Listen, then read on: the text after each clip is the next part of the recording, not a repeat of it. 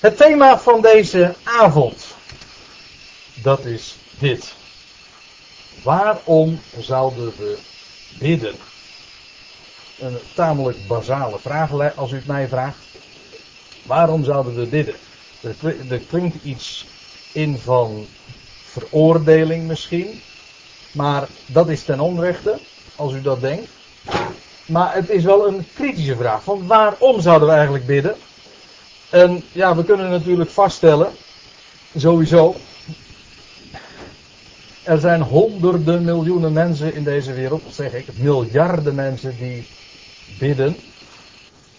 Ja, er zijn miljarden mensen die bidden, waarvan er ook honderden miljoenen, ik weet het niet precies, ik heb ze nooit nageteld, maar als ik me niet vergis zijn dat er ook een krap miljard moslims die dagelijks, wat zeg ik, dagelijks vijf keer zelfs, bidden. Allemaal met hun gezicht naar New York, hè, dat weet u wel. Ja. En allemaal mooi in het gelid, dat ziet u ook. En zo, zo zijn er nog vele andere honderden miljoenen, maar dan weer in andere delen van de wereld, die ook dagelijks hun gebeden opzeggen. Hindoes in India en wat voor godsdiensten niet meer nog. En wat dacht u hiervan? Hier, nou zijn we wat dichter bij huis en dat bedoel ik niet eens zozeer letterlijk als wel ook figuurlijk.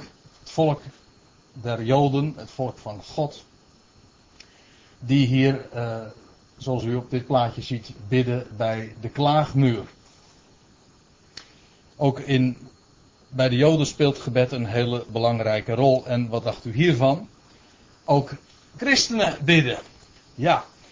En ik heb hier een plaatje van het internet geplukt, waarbij een. Uh, oproep gedaan wordt om vooral straks, over een maand, precies over een maand zelfs, zaterdag 8 januari, op de Nationale Gebedsdag aanwezig te zijn. Ik meen van in Utrecht, maar goed, als u meer informatie wil hebben, dan moet u dat nog maar eens een keertje nakijken. Maar in elk geval, daar is daar de jaarlijkse Nationale Gebedsdag. Met als uh, bijzonder thema bidden spreekt vanzelf ja, als, als dat zo zou zijn, dan zou deze vanavond, dit, dit thema van vanavond tamelijk uh, overbodig zijn. Ik ben het trouwens niet met dit thema eens. Bidden spreekt helemaal niet zo vanzelf, want er zijn toch een aantal hele goede vragen te stellen. Waarom je inderdaad zou bidden. Vandaar ook deze avond natuurlijk. Maar in de christelijke wereld speelt gebed ook een hele grote rol. Een nog weer heel andere dan bijvoorbeeld dan, bij, dan die bij de Joden. En zeker ook dan bij de moslims. Uh, christenen zijn vertrouwd met, en zeker als u dan uh, wat meer in het uh, evangelische segment denkt. En de Amerikaanse christelijke wereld is heel vertrouwd met fenomenen als gebedsmarathons en nationale gebeden en massaal de hemel bestormen. Ja, als ik het zo zeg, dan heb ik het misschien wel nog het best geformuleerd. Echt de hemel bestormen. Om God maar in beweging te krijgen. Dat is de gedachte, met name ook in de christelijke wereld die leeft. We bidden om, om God, zeg maar, in beweging te brengen. Bij al het onheil en alle toestanden die er in de wereld zijn, of in je eigen leven, als je het wat uh, op kleiner niveau bekijkt. Is, er gaat zoveel mis en daarop moet God geattendeerd worden. Toch? En daar moet hij maar eens een keertje verandering in brengen. En daarom zouden we vooral ook bidden. Ik zet misschien een beetje een karikatuur neer. Of misschien chargeer ik, dat kan wezen. Maar uh, dat is toch uh, vaak de gedachte die uh, erin doorklinkt. Bidden spreekt vanzelf, nou dat is bepaald niet het geval. Ik had het onderwerp van deze avond ook aangekondigd op mijn website, goedbericht.nl. En toen had ik het zo geformuleerd. Als aankondiging. Als God toch alles al weet. Waarom zouden we hem onze zaken dan nog melden? En als God alles wijs bestuurt, waarom zouden wij hem dan nog van advies moeten dienen? Ja, ik weet niet hoe u het hebt, maar deze vragen vind ik heel erg ter zake, heel logisch. Even, even los van alle dogmatiek en alle vanzelfsprekendheden waar je misschien mee opgevoed bent. Van zo van, ja, maar je bidt toch? Ja, oké. Maar nou eventjes normale, logische vragen stellen. Als God nou toch alles al weet, waarom zouden we hem dan nog uh, iets melden? Hij weet, hij is daar toch al mee bekend. En als God, als het waar is wat we zingen en wat we, we beleiden, dat Hij deze hele wereld wijs bestuurt, waarom zouden we Hem dan nog raad moeten geven? Want dat is toch ook de gedachte die achter gebed zit: van Heer, wilt u het alstublieft toch zo doen? Want dat is naar ons inzicht, ons bescheiden inzicht wou ik haar zeggen, maar dat is, ik vind het helemaal niet zo bescheiden. Dat is naar ons bescheiden inzicht toch beter. Goedenavond Mark, hartelijk welkom. Nou, hoe dan ook, de vraag lijkt mij gerechtvaardigd. Bidden spreekt, bidden spreekt niet zo vanzelf. De vraag is: waarom zouden we bidden?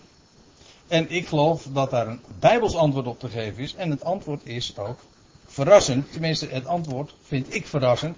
En ik heb zo het vermoeden dat u dat net zo, zo zult ervaren. Goed, nou laten we meteen maar in het diepe springen. En de vragen eens onder ogen zien waar we het over hebben. Ik, uh, de vorige keer toen hadden we het over Petra, over die stad in de woestijn en alle gebeurtenissen die daarover, daarover over geprofen, daar in verband daarmee ook geprofiteerd zijn. Nou, dat, dat leverde een heleboel mooie plaatjes op. Vanavond was dat wat moeilijker voor mij. Ik, heb, uh, ik uh, maak het u makkelijk door de teksten gewoon te projecteren. maar die teksten zijn al mooi genoeg hoor. Want uh, ik begin met, meteen met een prachtige schriftplaats. Dat is mijn vraag. Psalm 139. En ik, ik ken één broeder hier in de zaal die weet wat er in zijn Bijbeltje gewoon uit het hoofd boven staat. Namelijk, hoe was het ook alweer? God zal weten, hij de Zo is het, ja. zo, staat, zo staat dat er in, uh, in de MBG-vertaling boven. Gods alwetendheid der vromen troost. Ja. Daar staat dit. Nou, laten we, de eerste vraag. Bidden we inderdaad om God te informeren? Psalm 139 begint zo. Voor de koorleider van David. Een psalm. Heren, gij doorgrond en kent mij. Gij kent mijn zitten en mijn opstaan. Gij verstaat van verre mijn gedachten. Dus voordat die gedachten uitgesproken zijn, weet hij al mijn gedachten. En al, gij verstaat zelfs van verre reeds mijn gedachten. Gij onderzoekt mijn gaan, mijn liggen. Met al mijn wegen zijt gij vertrouwd. Want er is geen woord op mijn tong, of zie heren, gij kent het volkomen. Gij omgeeft mij van achteren en van voren, en gij legt uw hand op mij. Het begrijpen is mij te wonderbaar, te verheven, ik kan er niet bij. Als je nou David zou gevraagd hebben van, bid jij dit nu om God iets te vertellen of iets te melden, om hem te informeren, dan zou hij de, eh, de vraag uh, uiteraard als belachelijk, als lachwekkend van de hand doen. Natuurlijk niet. Wij hoeven God niets bekend te maken, want hij weet al. Hij, hij kent ons beter dan wij onszelf kennen. Hij, hij, hij doorgrondt en kent ons. Hij kende zelfs ons al voordat wij er waren. Dat, maar dat is, het, dat is het vervolg van Psalm 139. Dus uh, dit is het eerste antwoord op de vraag: bidden we om God te informeren? Nee, bepaald niet. Dat is ook uh, volstrekt overbodig. Nou, ik zal u nog een schriftplaats uh, laten zien. Waar het heel expliciet zelfs antwoord op die vraag gegeven wordt. We zullen dezezelfde schriftplaats trouwens later ook nog wel even onder ogen krijgen. Maar nu alvast even dit. Dan zegt de Heer Jezus in de beroemde bergreden. En gebruik bij uw bidden geen omhaal van woorden zoals de heidenen, zoals de natieën. Want zij menen door hun veelheid van woorden. Want zij menen door hun veelheid van woorden verhoord te zullen worden. Wordt hun dan niet gelijk. Want, let op. Want God uw vader, mooi hè, God uw vader wil zeggen, hij zorgt als een vader. Hij is als een vader voor je. Want God, uw vader, weet wat gij van nodig hebt. Eer gij hem bidt. Ja, dat is, dat is het tweede antwoord. Heel duidelijk. Wij hoeven God dus niet, wij, wij hoeven God dus niet te informeren. Wij bidden niet om hem iets te vertellen wat hij nog niet zou weten. Want hij weet het al voordat wij onze mond openen. Dat is. Waarmee de vraag natuurlijk uh, prangender wordt, dat weet ik ook wel. Maar dat, die vraag wordt voorlopig alleen nog maar prangender. Waarom zouden we bidden? Als wij God in ieder geval niet iets hoeven te vertellen wat hij, al nog, niet, wat hij nog niet uh, zou weten.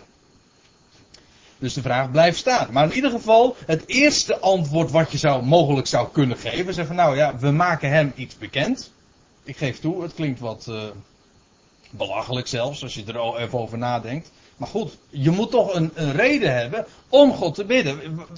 Het, het, antwoord dat we hem iets zouden vertellen wat hij nog niet zou weten, of dus om uh, hem te informeren, valt bij deze dus radicaal af. Goed, een ander antwoord. Dat, als ik het zo formuleer als ik het hier ook uh, heb opgeschreven, zegt u van ja, dat gaat mij een beetje te ver. Bidden wij om God te adviseren? Nee, dat niet. Maar in de praktijk toch vaak wel. Laat ik eerst eens eventjes dit antwoord, uh, of deze schriftplaats, die hier staat uh, geprojecteerd, voorlezen. Jezaja 40, een machtige psalm. Daar staat, wie meet de wateren met zijn holle hand? Bepaalt de omvang van de hemelen met een span. Een span dat is, uh, dat is de, hoe is het? Ja. De afstand tussen je topje van je pink en het topje van je duim. Dat is een span. Nou, God bepaalt, hoe staat het er? Hij bepaalt de omvang van de hemelen, dus de omvang van het gans heelal, met een span. Dat wil zeggen, zo in, met zijn ene hand. Zoals hij met zijn holle hand die hele oceanen uh, ook daarvan uh, opmeet. En staat er verder, uh, vat met een maat het stof der aarde en weegt de bergen met een waag en de heuvelen met een weegschaal. De volgende vraag. Wie bestuurt de geest Heren en onderricht hem als zijn raadsman? Wie raadpleegt hij dat deze hem inzicht zou geven, het rechte pad zou leren, kennis bijbrengen en de weg van verstand doen kennen? Zie, volkeren zijn geacht als een druppel aan een emmer en als een stofje aan een weegschaal. Als je dit zo leest, je leest het in Jezaja 40 nog verder, dan krimp je in één. Je wordt zo onogelijk klein. Tegenover die enorme grote God. De beschrijving van die schepping, van die kolossale schepping. Ja, die dan ook nog maar werk van zijn handen is. En bovendien, als wij het hebben over de zeeën en, en de, de wereldoceanen, dat, dan gaat het ons duizelen. En dan staat er wie mat de wateren, al die wateren tezamen zo in zijn holle hand. Nou, en er worden van die retorische vragen gesteld. Als die schepping namelijk al zo groot is, hoe groot moet die schepper dan zijn? En waarna vervolgens ook de vraag luidt: wie bestuurt de geest en onderricht hem als zijn raadsman? Dat wil zeggen, wie durft zich, wie haalt het in zijn hoofd, of wie heeft het lef, om het ook eens even op zijn Hebreeuws te zeggen. Wie heeft het lef om zich tegenover God op te stellen als zijn raadsman? Om God eens te zeggen van hoe hij het zou moeten doen. Want dat is toch een raadsman. Een raadsman geeft advies. Die zegt van nou, u zou het zus of u zou het zo moeten doen. Dat gedachte is toch pure hoogmoed. Maar wees nou eens eerlijk. Hoe wordt gebed gebruikt? Vaak in de. Nou laten we het eventjes nu beperken tot de christelijke wereld. Daarbuiten heb ik eigenlijk niet eens zo heel veel zicht op. In religie in het algemeen zou je kunnen zeggen, wordt gebed niet in het minst ook gebruikt om God ja, nou te informeren, maar vooral ook te manipuleren, zou ik haast zeggen. Om hem raad te geven. Want wij weten het goed. En wij zullen eens even aan God vertellen hoe hij de wereld zou moeten besturen. Want hij maakt er toch maar een potje van. Ja, dat zijn uh, woorden die ik recentelijk nog hoorde. En, nou ja, goed. Uh, iemand uh, vertelde dat. Vorige week. Een uh, nieuwe collega van mij die had het erover van. ja, hoe formuleer je dit precies? Maar God had toch wel heel wat uit te leggen. ja, God had, God had toch wel heel wat uit te leggen.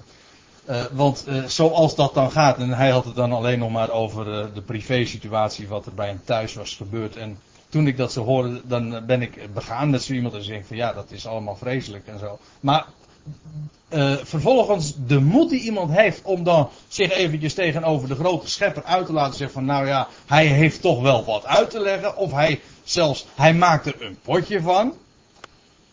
Uh, hoe uh, heette die, dat boek ook alweer van, uh, van Piet Vroon? Die professor die een jaar of wat geleden een einde aan zijn leven maakt, moet ik erbij zeggen. Ehm, hoe heet u dat ook weer? Nou,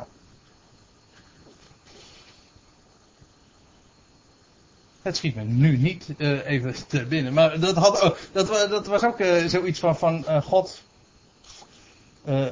die een enorme vergissing begaan had. Ik, ik, weet, ik weet niet meer. Hij had het in een, in een mooie boekentitel had hij het zo samengevat. Waarin dezelfde gedachte in ieder geval naar voren komt. Later op de avond zal ik u nog even melden hoe de echte boektitel is.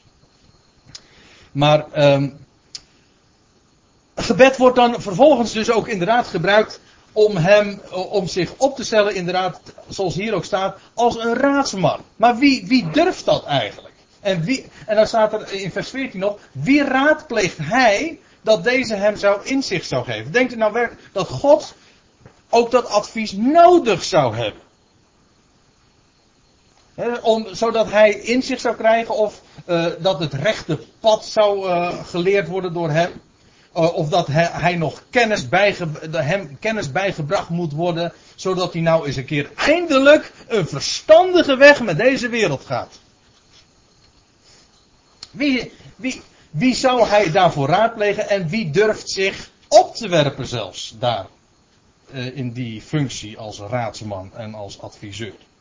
Zie, volkeren zijn geacht als een druppel aan een emmer, als een stofje aan een weegschaal. Het is maar dat we het weten. Meer niet.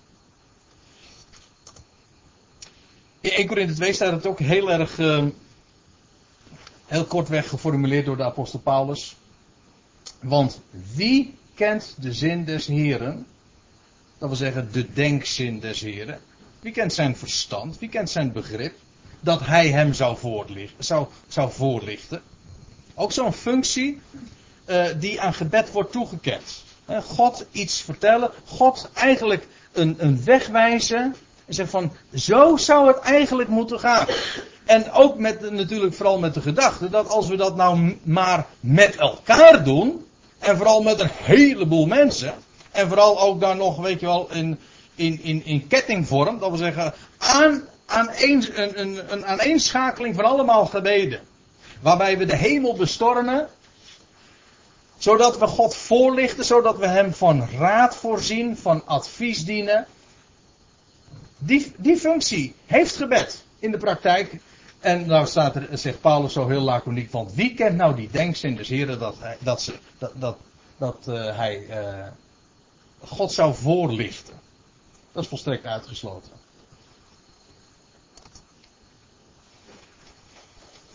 Ik heb nog een aantal schriftplaatsen zo uh, op een rijtje gezet, waarin zo heel duidelijk naar voren komt dat God werkelijk God is. In Job 23, daar staat dit, in vers 13. Maar hij, dan gaat het over God zelf natuurlijk. Maar hij blijft zichzelf gelijk. Wie kan hem keren? Wat hij begeert, dat voert hij uit. Want hij zal volbrengen wat over mij beschikt is. Een prachtige, gelovige berusting. Vertrouwend, zich toevertrouwend aan God. En uh, daarmee tevens ook uh, te kennen geven dat God zichzelf gelijk blijft. Dat wil zeggen, hij verandert niet. Zo, dat zullen we later trouwens ook nog zien. Hij is de onveranderlijke Israël, zo wordt hij genoemd. En wie kan hem keren? Dat wil zeggen, God gaat zijn weg. En God gaat zijn weg en hij keert daar ook niet van af. Hij kan, gebed dient er dus ook niet toe. Als dat, al een, als dat al een motief van gebed zou zijn. Dan wordt dat bij deze dus veroordeeld. Dat God teruggefloten zou moeten worden. Of zo. Dat, dat hij weer van zijn schreden zou terug moeten keren. Omdat de weg die hij gaat niet de goede zou zijn. En dan, en dan vraagt de, de, degene, de woordvoerder hier in Job 23. Ik blijf er even vanaf wie het is. Ik meen van Job zelf. Uh, dan staat er van, wie kan hem nou keren? Wat God namelijk begeert, dat voert hij uit. Waarom? Nou, hij is God. En hij zal ook gewoon volbrengen wat hij over mij beschikt. God is de beschikker. Hij heeft alles in de hand. En er is niets wat hem ontgaat. En hij overziet het geheel ook. En wie kent de denkzin des Heren? Kijk, wij zien maar een heel klein beetje. Wij, wij, wij, wij kennen alleen, ruimtelijk zien wij maar een heel klein beetje, maar in de tijd ook al. We zien nauwelijks wat achter ons ligt. En we zien al helemaal niet wat voor ons ligt. Zelfs de dag van morgen is volstrekt onbekend voor ons. En voor zover we iets over de toekomst weten, dan is dat omdat God ons daar informatie over verschaft heeft. Voor de rest weten we helemaal niks. Vorige week hoorde ik, uh, dat vond ik wel een mooie vergelijking, en uh, dat ging over God als, uh, als, als regisseur. God als de grote filmmaker, zal ik maar zeggen. Wel, kijk, wij zien de, wij zien de film van deze wereld en de film van ons leven. Uh, ja, in de vorm zoals het leven zich aan ons, aan, zich aan ons opdringt. Hè? Van, van achteren naar voren. Of hoe zeg ik het? ja, nee, hè? Van, van het begin uiteraard naar het einde, zo moet ik het zeggen. Maar God is degene die eerst het resultaat gezet heeft, het doeleinde gesteld heeft en vervolgens de wegen uitgezet heeft hoe hij tot dat doeleinde, tot dat resultaat komt. Dat wil zeggen, God kende het einde van de film, als ik het even in die analogie mag uh, verder uh, door mag geven. God kende het einde van de film. Hij had beschikt dat het zo zou aflopen. En om het zo te laten aflopen, moest het vervolgens gaan zoals het gaat. Dat wil zeggen, hij kent het, de happy end. En wij inmiddels trouwens ook, maar dat is omdat hij ons dat heeft bekendgemaakt. Hoe dan ook, om eventjes terug te keren naar Job 23. Eh, daar staat, wie kan hem keren? Wie kan God weer van zijn schreden doen terugkeren? Niemand. En dat is maar goed ook trouwens. Want de weg die hij gaat is de beste weg. Job 46, daar staat ook een prachtige. Dat is helemaal. Hè? Wat zei ik? Oh, zei ik Job? Oh, nee, Jezaja 46. Daar staat dit. Ik, dus de Heer zelf aan het woord, ik die van de beginnen de afloop verkondig en van alles wat nog niet geschied is. Die zegt, mijn raadsbesluit zal volbracht worden en ik zal al mijn welbehagen doen. Geweldig zoals God hier ook uh, zichzelf presenteert, werkelijk als God. Degene die inderdaad, nou ja, wat ik zojuist uh, vertelde, dat past eigenlijk wat meer bij deze schriftplaats. Degene die de afloop kent. En inderdaad, de afloop is een happy end. En hij bepaalt ook het traject. Hij is degene die dat alles heeft ook uh, voorziet, maar ook voor een, ten dele ook voorzegd heeft of heeft laten voorzeggen. Hoe dan ook, zijn raadsbesluit zal volbracht worden. En hij zal zijn welbehagen doen. Dat wil zeggen, hij doet dat wat zijn hart hem ingeeft. En wat zijn, waar hij door gedreven wordt vanuit zijn liefde. Zijn welbehagen zal hij doen. Uh, nog zo even. Jo, dat is ook hetzelfde Bijbelboekje, Jezaja 14 in dit geval. Want de Heere der Heerscharen, het zijn een heleboel schriftplaatsen die ik u vanavond wil laten zien. Want de Heere der Heerscharen heeft een besluit genomen. Wie zal dat verijdelen? En ik heb het expres onderstreept met, en, met dikke letters geschreven. Wie zal dat verijdelen? Ons gebed soms. Is dient bidden ertoe dat wij Gods besluiten, dat wat Hij beschikt heeft, om Hem daar maar uh, van gedachten te doen laten veranderen. Om Gods besluiten te laten verijdelen. En Zijn hand is uitgestrekt. En wie zal haar dan afwenden? Dient bidden daar soms toe?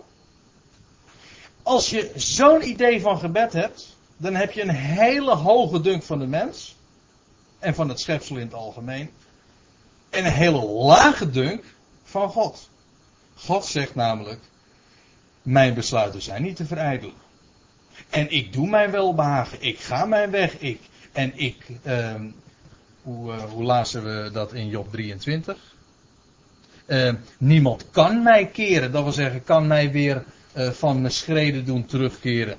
Naar, uh, naar het moment dat een mens dat zou behagen of zo. Nummer 23. Daar is iemand aan het woord. Biliam. Die heeft heel veel moeten leren in zijn leven, uiteindelijk. Maar die kreeg een godspraak. Het was een goddeloze profeet, maar toen God hem in de kladden greep, toen kwamen er geweldige woorden uit zijn mond. Uh, zijns ondanks, zoals dat zo mooi heet. Dat wil zeggen, hij wilde het helemaal niet. Maar God gaf hem dat in de mond. En dus ging hij gewoon spreken. Ik bedoel, God kan een ezel laten spreken. Maar hij kon ook Biliam laten spreken.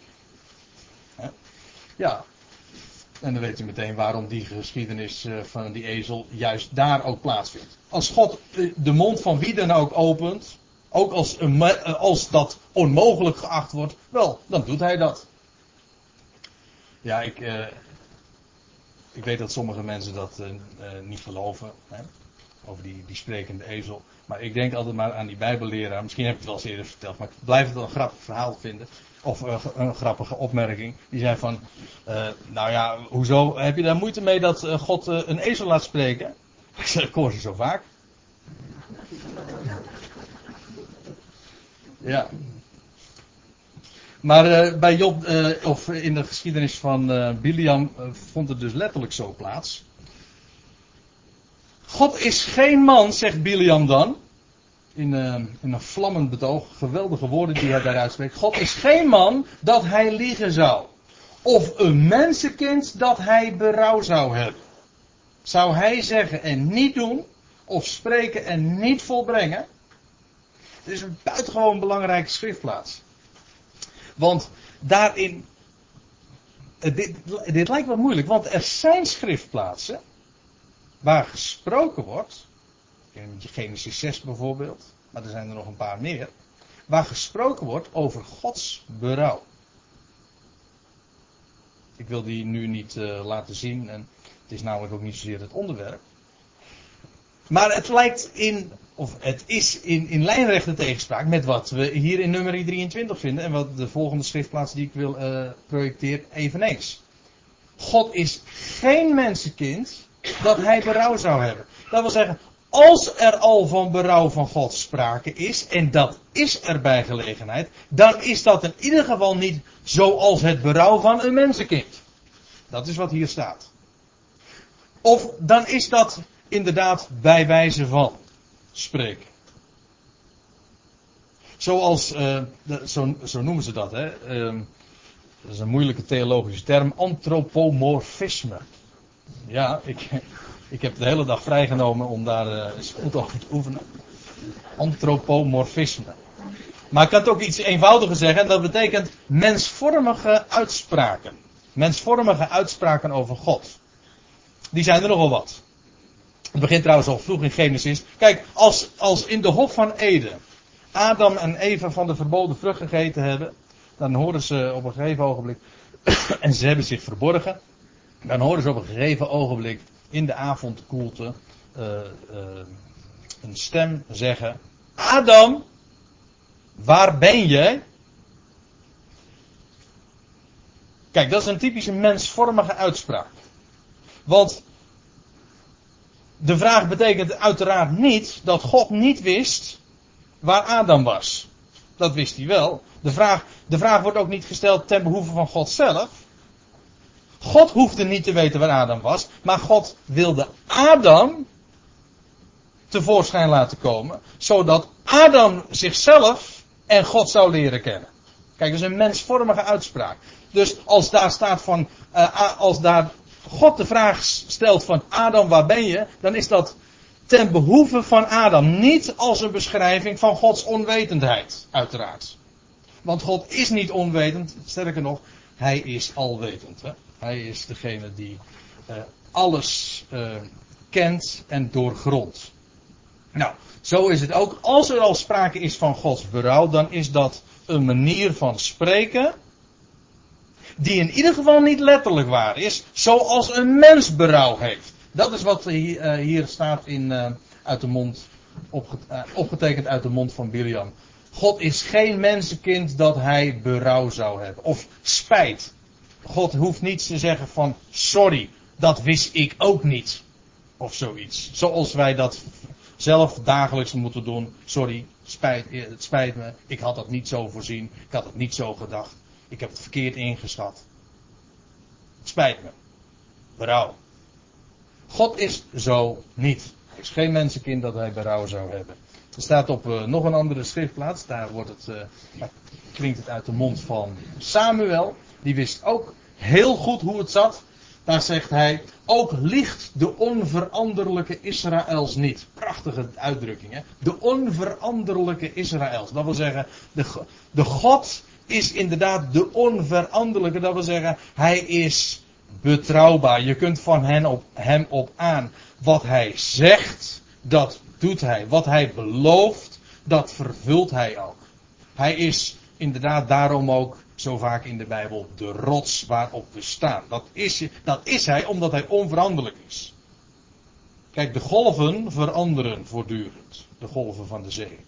Maar een rots wankelt niet, verandert niet, die staat. Zo is het met God ook. Hij is de onveranderlijke Israëls. Hij kent geen berouw, staat hier. Want hij is geen mens dat hij berouw zou hebben. Dus in de letterlijke zin van het woord kun je niet eens spreken van berouw van God. Als er al sprake van berouw is, dan is dat op een lagere manier of bij wijze van spreken. Zoals er bij wijze van spreken ook staat dat God vraagt uh, Adam, waar ben je? Er zijn er heel veel voorbeelden uh, van, van die mensvormige uitdrukkingen. Gods berouw. Trouwens, er zijn nog wel andere dingen ook over te zeggen over dat berouw. Want als er staat in Genesis 6 van het berouwde, de mens, het berouwde God dat hij de mens gemaakt had, dan staat daar een woord dat later in Genesis nog een keer gebruikt wordt. En dan wordt het vertaald met vertroosten. Hoe het precies zit, dat uh, blijft voor mij zelf eerlijk gezegd nog een beetje de vraag. Maar ik vind dat wel een heel opmerkelijk woord. Want dan krijg je in Genesis 6 ook al een heel ander woord. Uh, of een heel andere gedachte. Namelijk niet het, ber, het berouwde God in de zin van God had er spijt van dat hij de mens gemaakt had. Nee. Het vertrooste God dat hij de mens gemaakt had. Dus voor zover er al wat mis, of ja, voor zover er wat misging en alle ellende overziend, toen tijd, vlak voordat de vloed over de aarde kwam, dan zegt God, en het vertroostte hem, het vertroostte hem, staat er dan, dat hij, de, dat hij het was die de mens gemaakt had. Hoe, en dan staat er, en het smartte hem in zijn hart. Kijk, God heeft wel verdriet, dat is waar, maar niet spijt. Spijt heb je, het verschijnsel spijt kennen wij, omdat wij, um, omdat wij de, de toekomst niet kennen. Omdat je dingen verkeerd hebt ingeschat. Dan moet je achteraf zeggen van, ja, nou, ik had gedacht dat het zus zou gaan, maar blijkt anders gelopen te zijn. Maar ik wist dit niet. Ik heb het verkeerd ingeschat, ik heb het verkeerd gepland, of wat dan ook. En dan zeggen we sorry, spijt, het spijt me. Maar dat, dat, dat gaat van God uiteraard niet op. En hier staat het gewoon zo heel um, ja, zwart op wit. Zo duidelijk in de zin. Hij is geen mens dat hij berouw zou hebben. Dus zo is God in ieder geval ook niet. En het is ook dus niet zo dat wij door ons gebed God op andere gedachten moet brengen, moeten brengen, zodat hij achteraf zou moeten zeggen van ja, nou ja, inderdaad, nou is, nou is er iemand die mij dat zo vertelt of mij die raad geeft. Of, en er zijn er, of er zijn, er misschien zelfs wel honderdduizenden of miljoenen die er zo over denken en die dat in gebed en zo, zo krachtig uh, aan mij hebben opgezonden in gebed. En nou moet ik inderdaad vaststellen van ja, nee, ik heb het inderdaad verkeerd gezien. Ik moet het veranderen. God is geen mens dat hij berouw zou hebben. Zo staat dat uit, opgetekend uit de mond van Samuel. Waarna zich natuurlijk nog een vraag opdringt. En dat is deze. Want de echte Bijbelkenners die zitten hier misschien een klein beetje inmiddels met kromme tenen. Ik kan me dat wel voorstellen hoor. Want die denken dan toch van ja, wat je nu allemaal zegt, dat is duidelijk, dat is bijbels.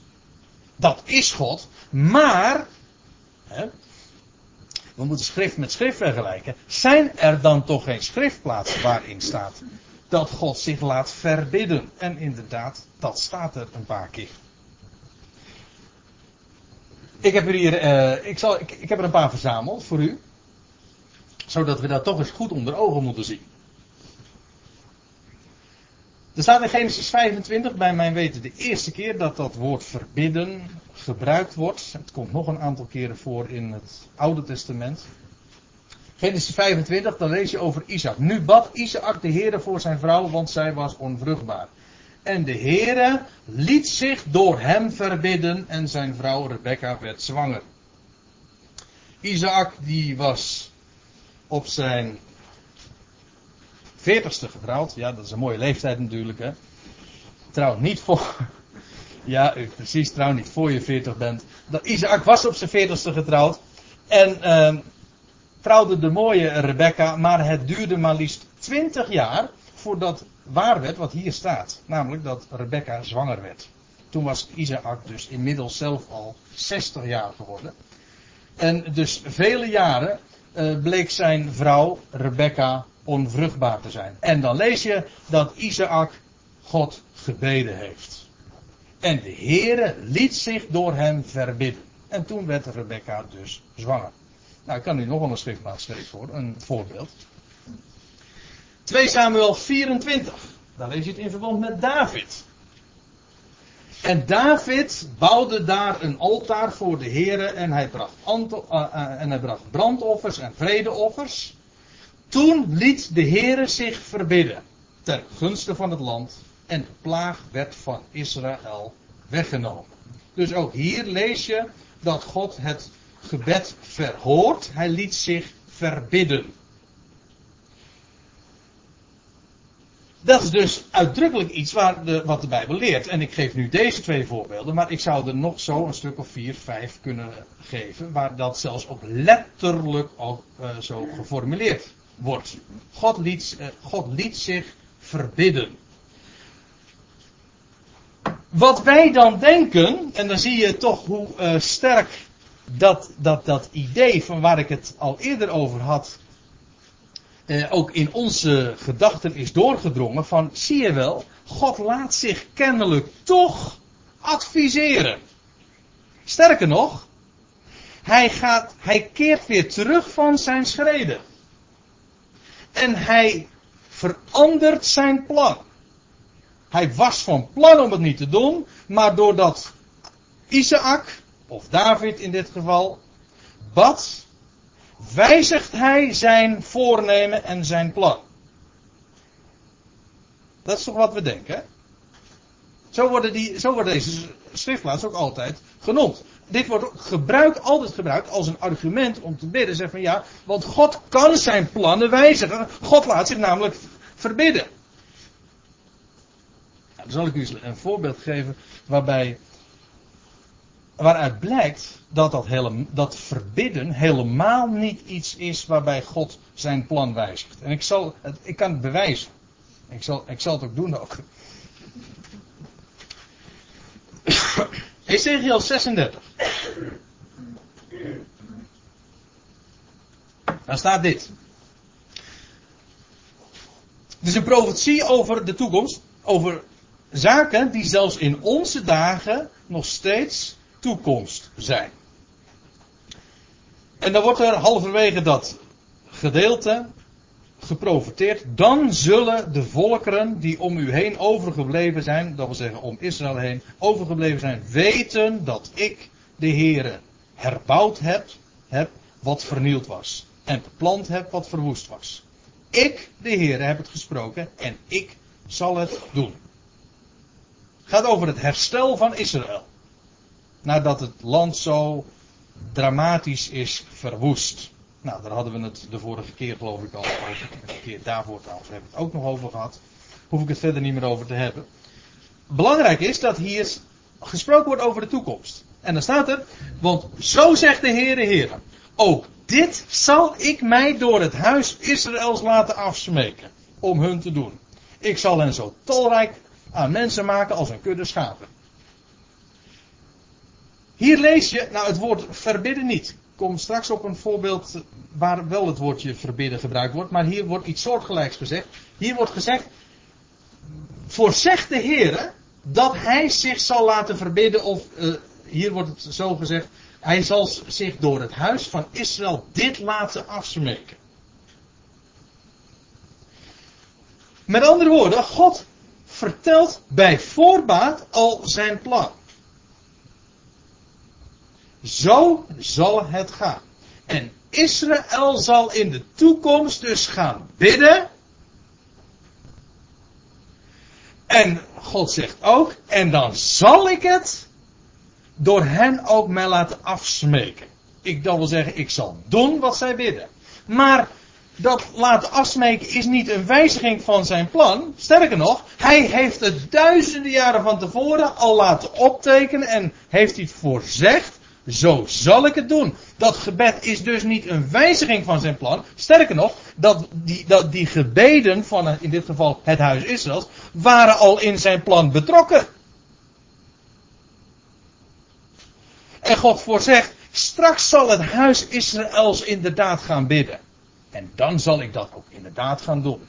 Dus niet een wijziging van zijn plan. Sterker, in tegendeel, dat plan dat staat al duizenden jaren zwart op wit in zijn woord geschreven. Zo zal God het, uh, zo zal God het doen en zo zal het ook daadwerkelijk gebeuren.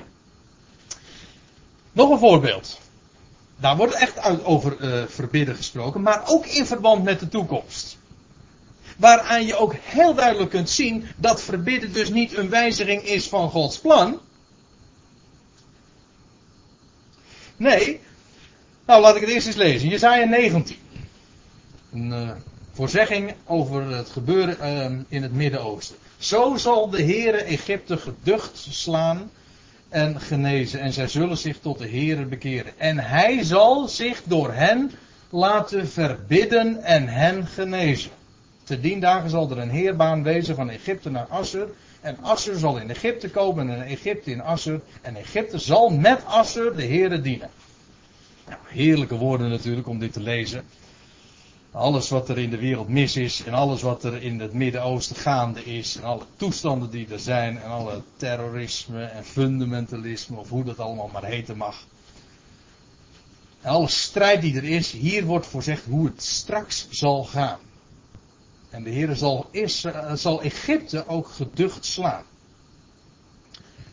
Maar dat doet hij niet zomaar. Dat mag natuurlijk niet van, de minister Donner, dat weet u hè. Maar goed. Uh, maar de Heer zal Egypte slaan. Maar hij doet het uit liefde, want hij doet het namelijk ook om hen te genezen. Zoals een, een chirurg ook uh, soms een zware ingreep moet plegen om ten einde de patiënt te redden en ten einde de patiënt ook weer te, te herstellen. Nou, de Heer zal Egypte geducht slaan, ja, maar dat doet hij juist om hen ook te genezen. En zij zullen zich, staat er, tot hun heren bekeren. Van Egypte wordt dit gezegd. Van Israël lees je het natuurlijk. Maar hier wordt het van Egypte gezegd. En dan gaat het, maar het gaat me uiteraard om die woorden die onderstreept staan. En hij zal zich door hen laten verbidden en hen genezen. Is verbidden dus een wijziging van Gods plan? Nee, God heeft het al, al, al, al duizenden jaren geleden voorzegd. God heeft toen al gezegd, ik zal me straks laten verbidden. Dat verbidden is dus inderdaad ook weer zo'n zo'n uh, zo'n term. Zo'n, ja, ik zal het nou maar gewoon zeggen. Want uh, wie zegt dat het me nou weer lukt natuurlijk, hè, dat moeilijke woord. Dit is ook weer zo'n mensvormige uitdrukking. God zal, God zal zich laten verbidden. Dat wil zeggen, het heeft, de, het heeft er de schijn van dat doordat Egypte bidt, dus of straks zal bidden, het hele volk als het ware de hemel zal aanroepen en God zal smeken, dat God dan van zijn plan, uh, zijn plan zal wijzen. Maar zo is het niet. God had van tevoren al gezegd. En dat gebed zal hij beantwoorden. En dat is verbidden. Het is dus absoluut, en daar gaat het mij nu eventjes om. Het is in ieder geval geen wijziging van Gods plan. Want dat verbidden is in zijn plan juist inbegrepen. Gebed is in zijn plan inbegrepen. God wil, zoals, we, zoals vroeger dat geformuleerd werd. Ik geloof niet dat het een directe Bijbelcitaat is, maar God wil gebeden zijn. Ja. En dat gebed, dat calculeert hij ook in, in zijn plannen. Nou, zo hier wordt dat van Egypte gezegd. Op drie dagen staat er nog, zal er een heerbaan wezen. We hadden het de vorige keer over die koninklijke weg, hè, die door de woestijn loopt. Zo richting Asser, eh, richting uh, Syrië. Wel, hier wordt daar ook over gesproken. Er zal een heerbaan wezen van Egypte naar Assur. En Assur zal in Egypte komen. Egypte in Assur. Dat wil zeggen, dat zullen straks ook weer dikke vrienden zijn. Maar wat vooral van belang is. En Egypte zal met Assur de heren dienen. Worden nog meer uh, van zulke geweldige beloften gegeven over deze volkeren. Dus niet alleen uh, geweldige heilsbeloften voor Israël, maar ook voor die andere, uh, voor de Arabische volkeren daaromheen. Daar heeft God nog geweldig veel uh, moois voor in petto. Maar dat even terzijde. God laat zich dus inderdaad verbidden, maar, en nou vat ik nog even samen, maar dat is geen wijziging van zijn plan, want God had het namelijk al gepland. Dus gebed is inbegrepen in zijn plan, in zijn voornemen en in zijn voorzegging. Zoals hier dat ook heel duidelijk blijkt. Andere staat ook ergens dat in de van de huizen Jacob vroeger gebeden Is dat zo? Oh, dan zou dat daar wel eens aan ontleend kunnen wezen.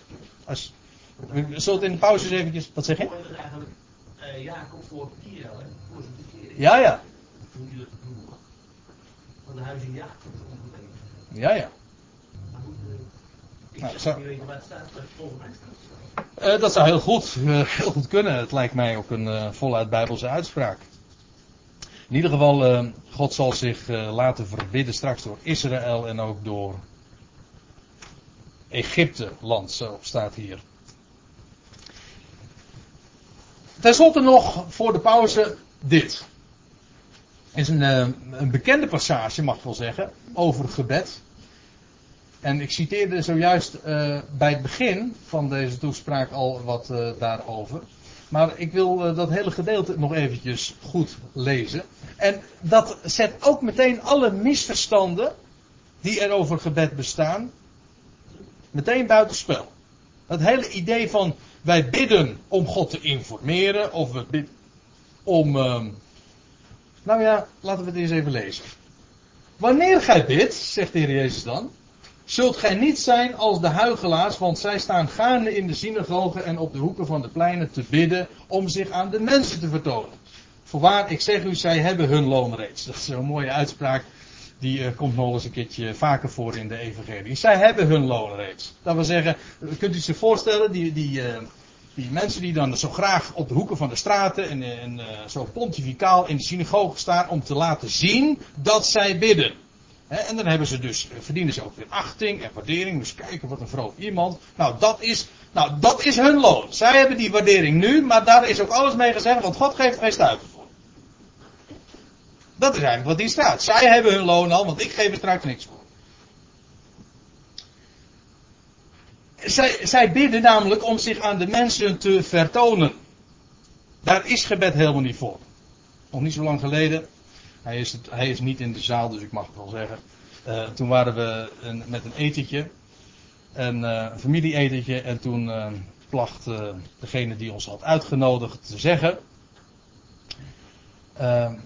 voor dat etentje. En zegt van, nou laten we even zien dat we christenen. voordat we deze maaltijd aanvangen, zullen we even laten zien dat we christenen zijn. Toen had ik meteen dit, dit vers in gedachten. Dus we gaan niet bidden. Sowieso vind ik het altijd een beetje vreemd, maar dat moet, u mag erover denken hoe u, dat zelf, eh, hoe u dat zelf verder invult. Maar ik vind dat een beetje vreemd, terwijl er een rijke maaltijd voor je staat, om dan te, vervolgens te gaan bidden voor je maaltijd, die er al staat. Hè. Het is ook zo'n typisch christelijke eigenschap om te bidden voor iets wat je al hebt ontvangen. Dat is Net zoiets als bidden voor vergeving. Ja? Ja? Ja, ja, ja, ja, en dan? Ja, precies, ja. Ja, dan, dat, dat lees je van de Heer Jezus. Hij dankt voor het eten. Want er stond er. Kijk, als je iets hebt ontvangen. Dan dank je er domweg voor. Nou, daar gaan we na de pauze uh, uitgebreider over hebben. Maar waar het me nu eventjes om gaat. Bidden is dus niet om even te laten zien dat je een christen bent of zo. Want uh, daar heeft de Heer helemaal niet zoveel uh, goeds voor. Bidden is sowieso geen publieke zaak. Per definitie. Ik hoop niet dat ik daarmee mensen op een teentje strap of tegen schenen schop of zo. Bidden is eigenlijk een privézaak. Een zaak voor het verborgene. Een intieme zaak. En ik, ik herken dat zelf. Kijk, je leest in de Bijbel inderdaad dat er aan publiek gedankt wordt. Dat wel. Maar van gebeden horen in principe, zoals de Heer Jezus dat hier ook zegt, thuis in de binnenkamer. Ja, thuis. De gebeden horen thuis in de binnenkamer. In het verborgene. En de reden daarvoor is, is eigenlijk heel eenvoudig. En als je bereid bent daar eerlijk over na te denken, dan, dan begrijp je dat ook meteen. Want weet je wat je krijgt met publieke gebeden?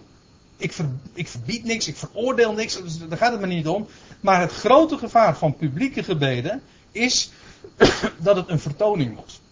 En ik herken dat maar al te goed. Weet je wel, dan ga je voor in gebed. Terwijl er een hele groep mensen luistert. En onderwijl zit je te denken, wat zullen die anderen zeggen? Zoals ik het nou formuleer. Dat is een beetje krom gezegd. Maar daar kijkt God toch niet naar. Als je in gebed bent, dan je, dan spreek je met God. En dan is het enige interessante de vraag wat hij daarvan zal vinden. En daarom zie je ook dat gebed eigenlijk dus een, een, een, een hele intieme zaak is. En die hoort thuis in het verborgene. Dat gaat een ander feitelijk helemaal niks aan. En zo zegt de Heer Jezus ook. Maar gij, wanneer gij bidt, ga in uw binnenkamer. Sluit uw deur. Dat wil zeggen dat niemand het ziet. En bid tot uw vader in het verborgene. En uw vader, die het verborgene ziet, die zal het u vergelden. En dan komen we weer, en dan sluiten we de cirkel. En dat is dan een mooie tevens punt om te gaan pauzeren. En gebruikt bij uw bidden geen omhaal van woorden. Dat wil zeggen een veelheid van woorden. Ik had het net over kettinggebed. Hè?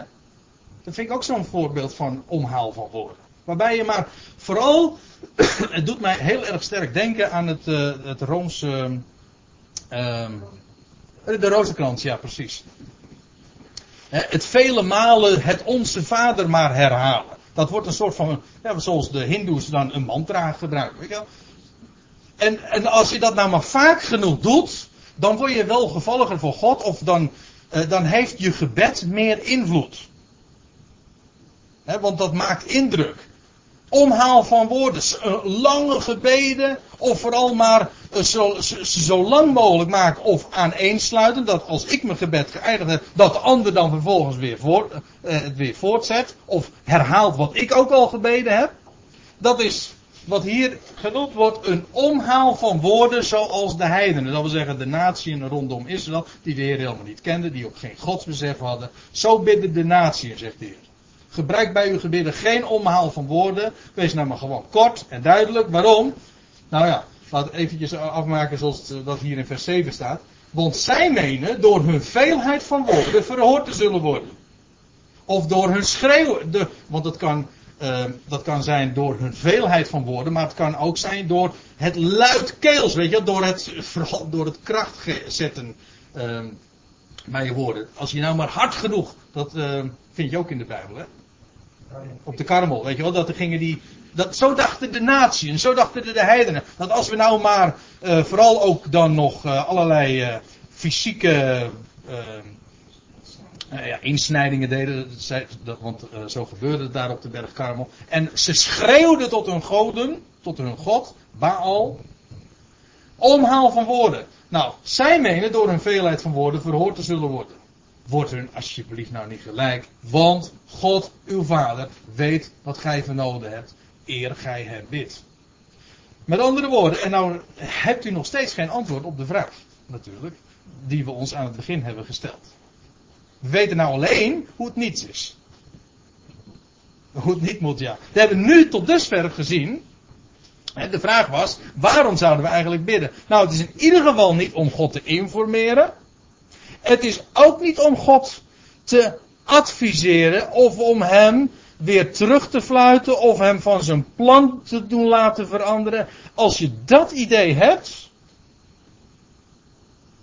dan ben je in ieder geval niet goed. Daar is gebed ook helemaal niet voor. En dus blijft de vraag, waarom zouden we dan wel bidden? Daar gaan we er straks na de pauze over hebben.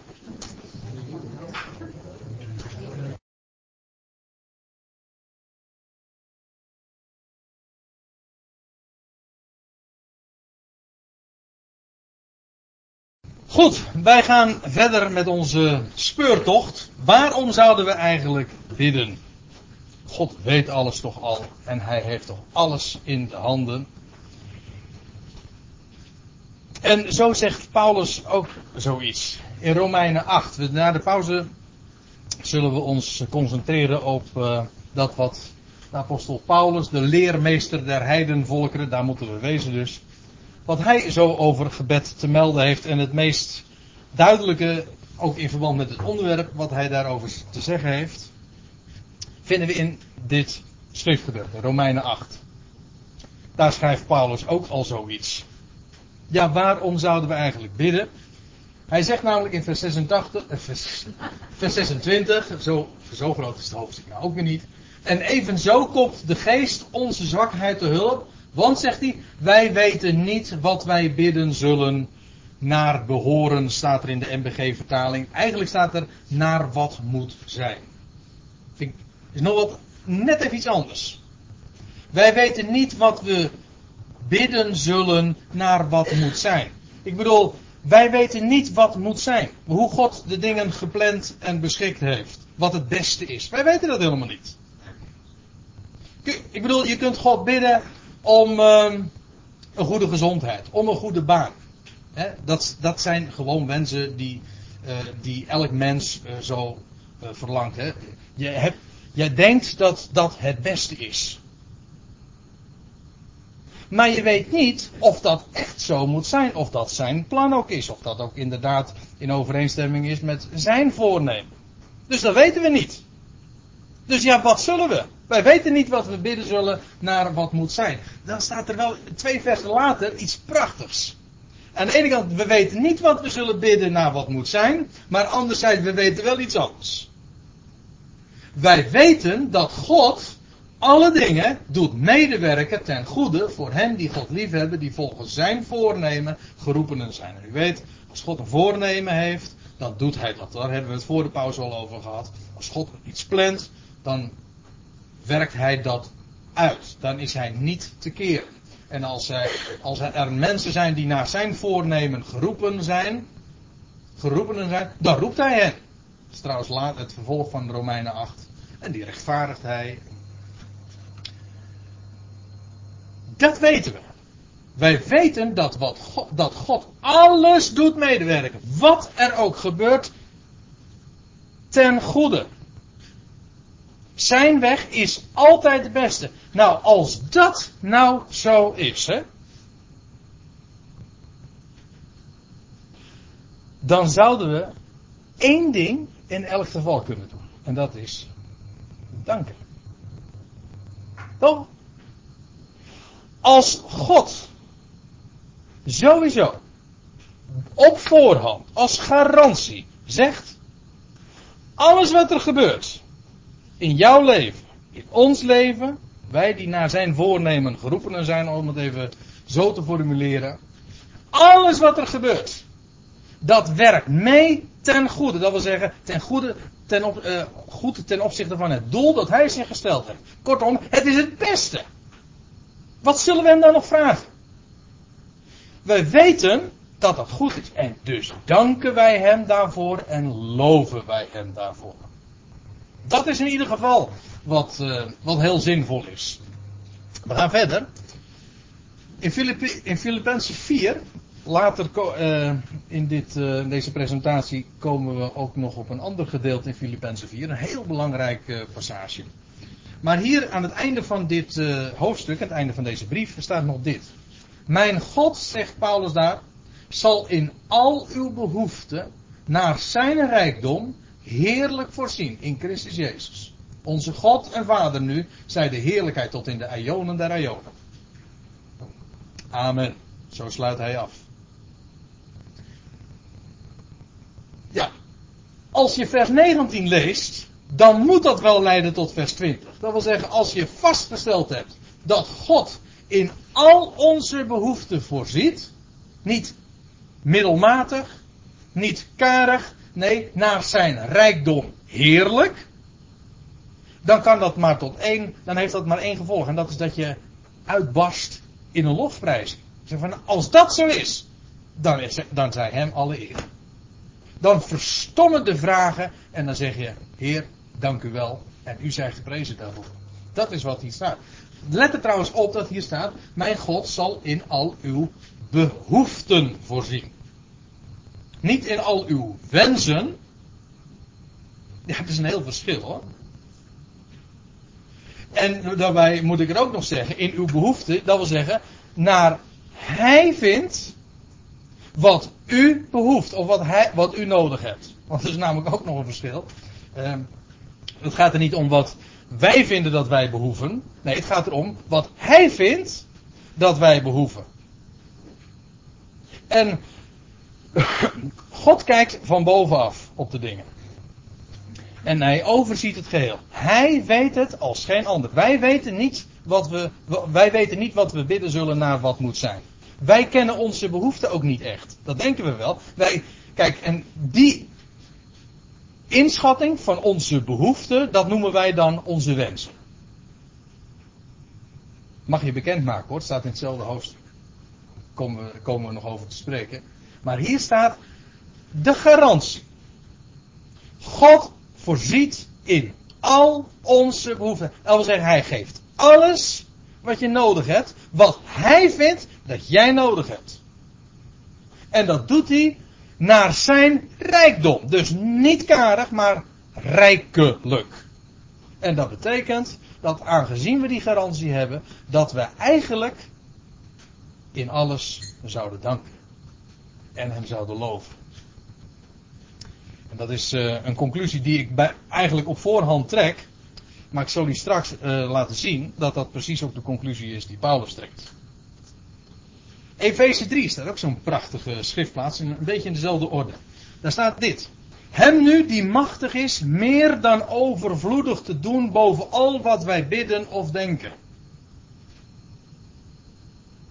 Je, zou, je moet even goed lezen. Er staat dus niet, ik zal het eens laten zien. Ik heb even nou een paar woordjes weggehaald. Hem nu die machtig is te doen wat wij bidden of denken. Dat vind ik al heel mooi hoor. Als God machtig is. Ik denk iets. Ik bid iets. Ik heb een vraag. Wel, God is bijmachtig. God is machtig te doen wat ik bid of denk. Maar dat staat er niet. Dus, staat dit. In ieder geval. Dit staat er ook. Hem nu, die machtig is te doen, bovenal wat wij bidden of denken.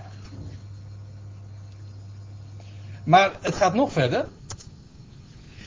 God is machtig overvloedig te doen bovenal wat wij bidden of denken. Maar daar houdt het nog niet mee op, want er staat dit. Hij is machtig meer dan overvloedig te doen bovenal wat wij bidden of denken. Het is wat hoor. Daarmee is neergezet of opgetekend wie God is. Hij gaat boven bidden en denken oneindig uit. Waar leidt dat toe? Zo'n vaststelling. Nou, precies zoals in Filippenzen 4. Hier ook. Hem zij de heerlijkheid. In de gemeente door Christus Jezus in alle geslachten van de Aion der Aionen. Ja, u zegt, hé, hey, dat staat in mijn NBG of Statenvertaling niet. Nee, dat klopt. Daar hebben ze de eonen wegvertaald. Maar kan ik ook niet helpen. Ik uh, vind het uh, op een bijbelstudie dan toch wel van belang om ze weer uh, neer te zetten waar, ze horen. Hè? De eonen, eonen. Dat is God. die boven bidden en denken overvloedig doet. Geweldig. Nou, dan, gaan we, dan komen we bij die andere passage in Filippenzen 4, waar ik het al eerder over had. Ik heb het zojuist geciteerd uit het slot. Dat God naar zijn rijkdom in al onze behoeften voorziet. Maar uh, er is misschien wel één passage, ik heb het expres een sleutelpassage genoemd. Er is één passage waarin Paulus heel mooi laat zien wat gebed betekent. Waarom we zouden bidden. En voor, in welk opzicht bidden zin heeft. U vindt het hier. Het begint uh, al zo. Dat is typisch Paulus, hè. Verblijft u in de Heer ten alle tijden. Wederom zal ik zeggen, verblijft u. Ik, vind, ik, ik hecht er altijd aan om te zeggen dat Paulus dit vanuit de gevangenis krijgt. Ja. Want dat, dat geeft zulke woorden um, meteen kleur en ook kracht. Iemand in, in een luxueuze omstandigheden heeft het al gauw iets goedkoops. Ja, jij hebt makkelijk praten of zo. Nee, Paulus zegt, verblijd je nou in de Heer, niet in de omstandigheden. Verblijd je in die Heer te alle tijden. Het meest karakteristieke van een gelovige, van iemand die de blijde boodschap ook kent, is dat hij zich verblijdt. Ja, dat is niet zo moeilijk. Daarom denk ik ook wel eens een keertje, de christelijke religie kan ook niet de juiste zijn.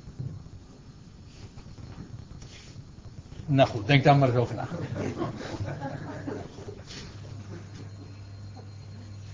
Uh, vers 5. Uw inschikkelijkheid. Ja, ik, heb wat, ik heb het gecursiveerd wat uh, iets afwijkt van de gebruikelijke vertalingen. Er staat uh, in de MBG-vertaling uw vriendelijkheid, wat niet helemaal verkeerd is, maar het echte woord wat er staat, uw inschikkelijkheid zij alle mensen bekend. Natuurlijk, iemand die inschikkelijk is, is ook vriendelijk, dat is waar. Maar inschikkelijkheid is namelijk nog een, een, is een bepaalde grondhouding waarbij je, ja, nou ja, zoals het woord zegt, je schikt in. Ja, ik heb, ik heb altijd de neiging om ook zoiets te denken van dat je schik hebt in, maar uh, dat is de gedachte bij inschikken is dat je gewoon het, ja, het vermogen om je aan te passen. Je schikt je in de omstandigheden. Je klaagt niet, je zeurt niet, je murmureert niet, om het nog eens eventjes uh, in de terminologie van de Statenvertaling te zeggen. Nee, je schikt je. Je verblijdt je in de Heer en je schikt je in de omstandigheden zoals ze zijn. En dat zou een eigenschap zijn die, die, die alle mensen ook inderdaad van je zouden, uh, zouden, zouden moeten zeggen. Hè? Uw inschikkelijkheid zijn alle mensen bekend. Het is net alsof, dat, uh, het is net alsof God zo iemands leven leidt, weet je wel.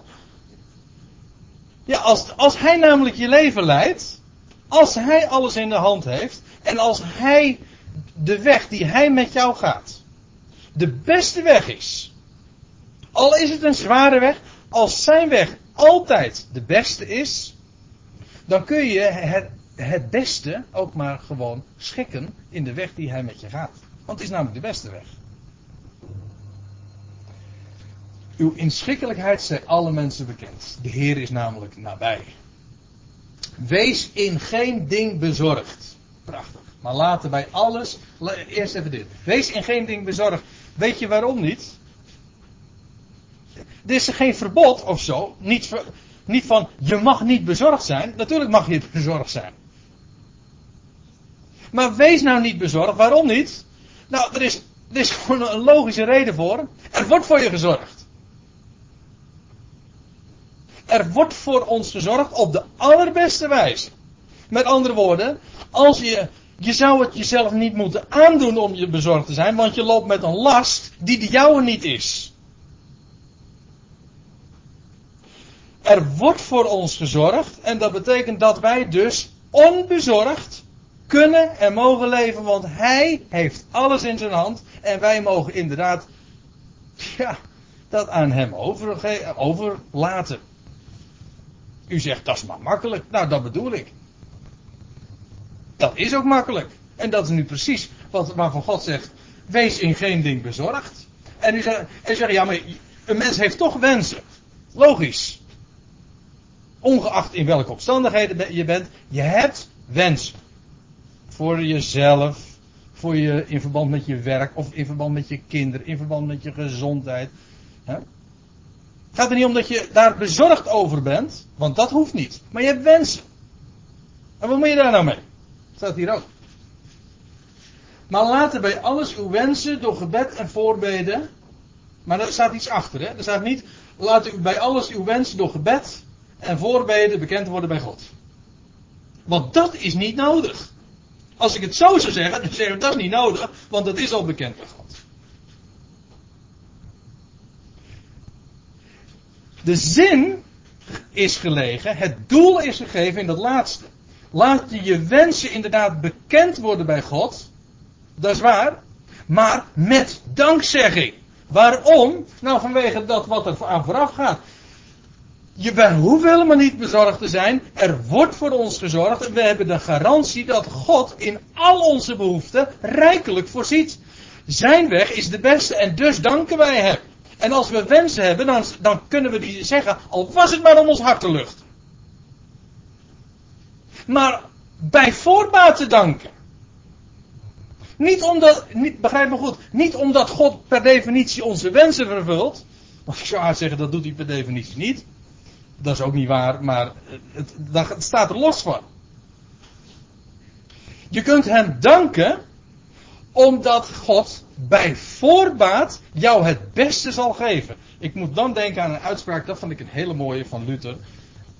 Die zei ooit: Als wij God om zilver bidden, dan geeft hij goud.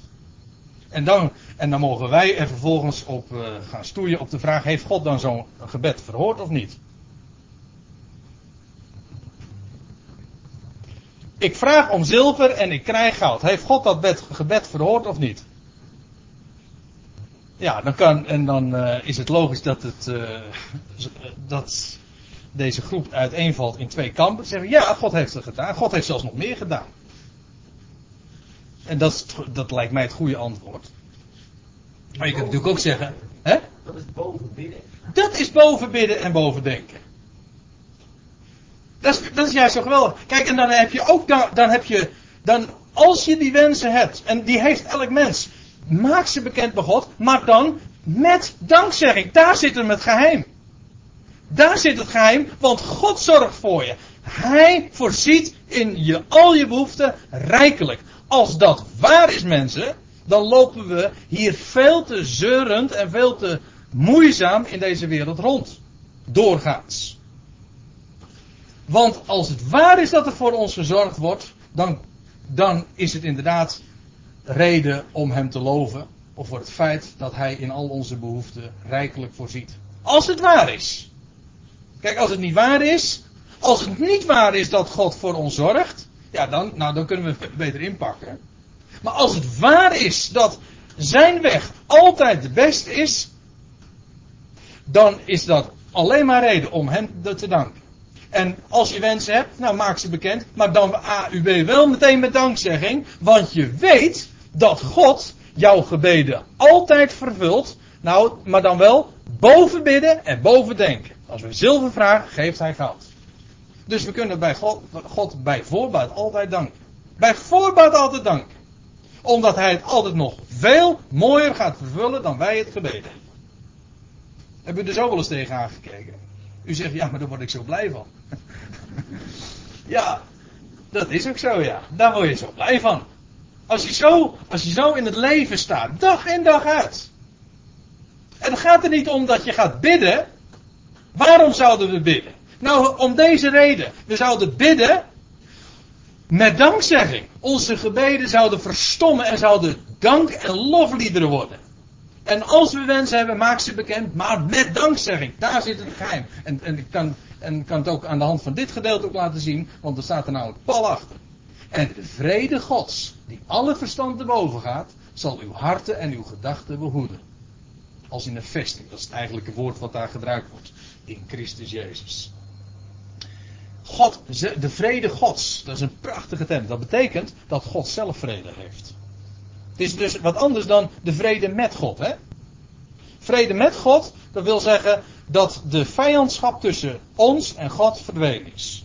En plaatsgemaakt heeft voor een vreedzame relatie. Maar de vrede van God is iets anders. Dat de vrede van God is de vrede die God zelf heeft. Kijk, wij hebben misschien zorgen. Wij hebben zo onze vragen. Maar God heeft vrede. Het is niet zo dat Gods troon zeg maar wankelt door onze paniek en door onze problemen enzovoort. Want God heeft, he's got the whole world in his hand. Hij heeft vrede. Hij kent nou, hij overziet het ganse wereldgebeuren. En in die zin gaat er never nooit iets, maar dan ook, maar iets mis. Als dat zo is, dan heeft God dus inderdaad vrede en rust. Hij kent het. En die vrede van God, die zal al ons, die, die alle verstand inderdaad te boven gaat. Dat wil zeggen, het, we begrijpen daar niks van. Als we namelijk gewoon denken op, op aards niveau en gewoon denken en concluderen op, op basis van wat we nu zien, nu waarnemen, dan zou je dat nooit daartoe komen. Maar als je inderdaad je aansluit op, uh, op God, dat wil zeggen op Hem die alles inderdaad overziet en het geheel in zijn handen heeft, dan hebben we het dus echt over God. Ja, dan is het logisch, dan hebben we vrede. Want Hij heeft vrede. En de vrede die Hij heeft, dat wordt ons deel. En die zal dan inderdaad ons hart en onze gedachten, gewoon ons hele innerlijk, zeg maar, behoeden. Als in een vesting. Dan zijn we veilig, inderdaad. Maar wanneer zal die vrede van God inderdaad onze harten en gedachten gaan behoeden? Wel wanneer, wanneer het waar is wat er ja, in de voorgaande versen gezegd wordt. Wanneer we ons verblijden ten alle tijden in die Heer. Wanneer we ons helemaal geen bezorg, uh, geen zorgen maken. Waarom? Er wordt voor ons gezorgd. Hij voorziet in al onze behoeften rijkelijk. En dus danken wij voortdurend. En als wij hem voortdurend danken, dan hebben we vrede. Dat gaat altijd gelijk op. De vrede van God die alle verstand te boven gaat, zal uw harten en uw gedachten behoeden. Als in een vesting in Christus Jezus. Kijk, dat is die vrede van God die, die zo enorm goed is in een rumoerige wereld of, of in een leven waar zoveel aan de hand is. Als je dan desondanks de vrede mag kennen en rust mag kennen, de wetenschap en toch gaat er niets mis. Ja. Ik zal het ook nog in een andere schriftplaats laten zien, van dezelfde apostel Paulus, die dat dan ook zo zegt. Soms is dat niet, komt in de, in vertaling niet zo goed uit de verf, maar in Colossense 4, daar staat dit. Volhard in het gebed, wees daarbij waakzaam en dankt. Nou, even, even, even dat dit de juiste vertaling is, dan komen we, dan, dan sluit dit aan bij wat we zojuist al zagen. Bidden, inderdaad, maar dan wel met dankzegging. Maar het staat er nog sterker. Er staat namelijk: volhard in het gebed. Wees daarbij waakzaam in dankzegging. Het gaat hier dus niet over twee dingen. Het gaat hier over één ding. Waaruit bestaat die waakzaamheid in gebeden? Kijk, als je niet waakzaam bent in gebed, dan wordt het al gauw een verlanglijstje dat je, in, in, dat je invult en indient bij God. Als je waakzaam bent in het gebed, dat wil zeggen je bent alert waarvoor gebed ook inderdaad bedoeld is, dan wordt dat gebed inderdaad dankzegging. Dus dat volhardende gebed, een, dat waakzaam in alertheid dus uh, plaatsvindt, dat is een gebed dat plaatsvindt in dankzegging.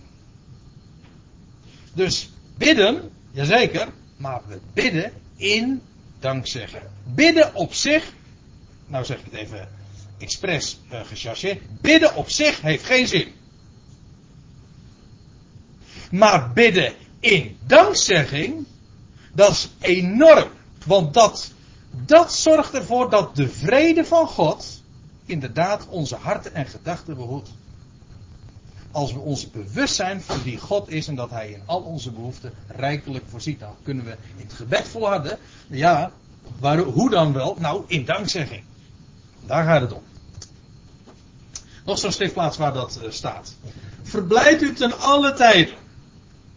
Ja, altijd weer. Verblijd u ten alle tijden.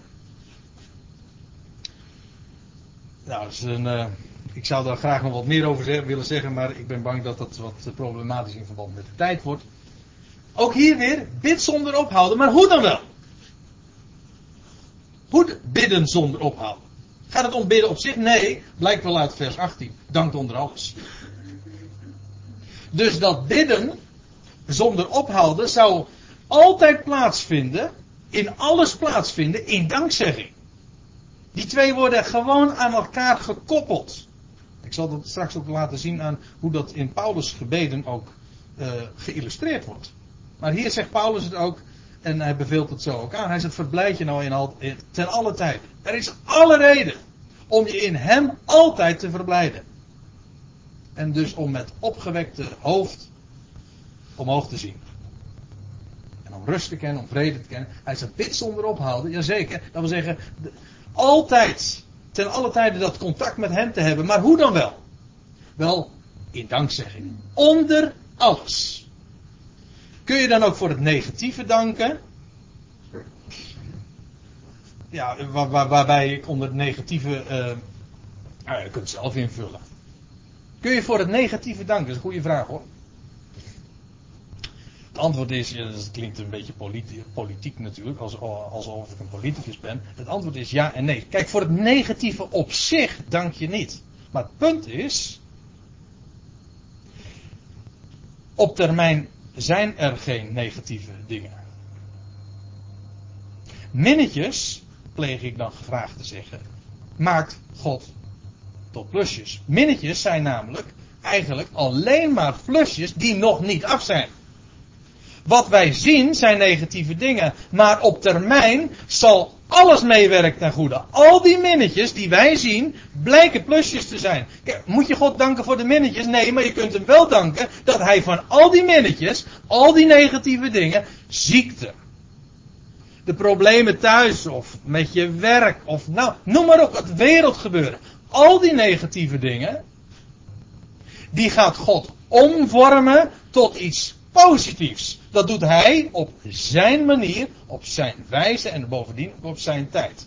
En als je dat weet, kun je inderdaad danken in alles. Dus je dankt niet voor het negatieve.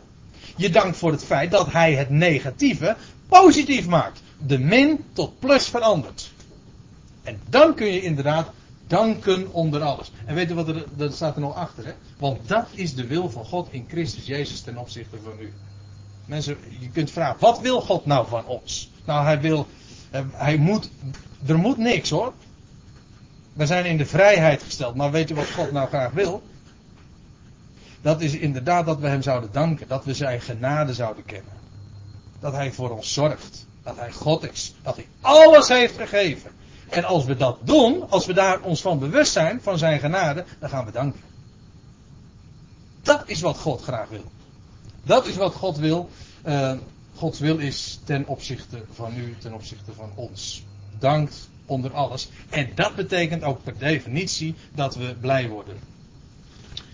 Dat, zo is het toch? Danken maakt blij. Als je dus de vraag, als je dus uh, klaagt, dat is leuk. Als je klaagt dat er zo weinig blijdschap in je leven is, dan zou je eens moeten vragen, hoe, in, in, welke, in welke mate speelt dankzegging een rol? In welke mate speelt dankzegging erop? Want de blijdschap in je leven. Klinkt wat wiskundig zoals ik het nou zeg, maar ik bedoel het eigenlijk wel zoals ik het zeg. De blijdschap in je leven is evenredig met de mate van dankzegging. Is er weinig dankzegging, is er weinig vreugde. Is er veel dankzegging, is er ook veel vreugde. Ik kan niet missen. Dat is dan weinig danken, hè? Dat is een moeilijke vraag. Zeker als, uh, als ik kijk naar degene die de vraag stelt, uh, Dick.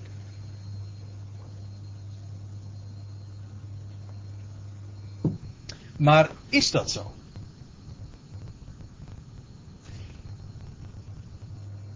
Nou ja, als je hier even voor je kinderen, Dat begrijp ik. dan valt er weinig te danken voor mij. ik. Terwijl ik, toen ik zojuist de woorden uitsprak over dat God, dat er geen negatieve dingen bestaan, dacht ik ook aan, aan, aan, aan jou en je kinderen, Esther. Ja, En ja, ik. En dat is niet de enige. Nee, goed, dat is dan dicht bij huis. Toch verandert dat de waarheid niet. Ik moet er wel bij zeggen, het maakt mij wel. Uh, als, jij, als jij dan die vraag zo stelt, maakt mij dat wel heel bescheiden hoor. Dan denk ik van ja, wie ben ik nou? Om, om tegen jou nou te gaan vertellen van, oh nee, maar Dick, jij, jij, moet, jij kan dit net zo goed. Ik bedoel, Paulus zegt dat ook tegen jou. Het is wel, dat is wel waar. En ik ben er ook van overtuigd, en ik zeg dat met alle terughoudendheid en eigenlijk ook in alle verlegenheid, want die is dan toch ook wel gepast. Want wie ben ik om dat nou eens even te vertellen? Ik ben ervan overtuigd, en ik weet dat jij dat trouwens ook bent, want we hadden het er in de pauze nog over. Bij God gaat er uiteindelijk niks mis. God heeft alles in zijn hand. En ook al overzien wij totaal, zien wij niet hoe hij dat negatieve tot positief maakt. Dat, daar, daar, is geen touw knopen. Ik bedoel, de situatie die, waar jij aan denkt. Dat, dat, elk antwoord dat je daarop zou willen geven. Zo, oh joh, maar dat is hiervoor, dat is daarvoor. Dat is pure hoogmoed. Maar neem niet weg dat als God God is en Hij is een vader voor zijn schepping, dan gaat er inderdaad niets mis. En dan is het waar wat we zojuist lazen in vers 28. Wij weten, dat is een kwestie, en wij vertrouwen erop dat God alles doet medewerken ten goede. Is alles goed? Nee, op zichzelf genomen is niet alles goed. Integendeel zelfs. Maar hij doet het wel medewerken ten goede. Je vraagt je wel eens af, hoe je God het uitstaan? Ja.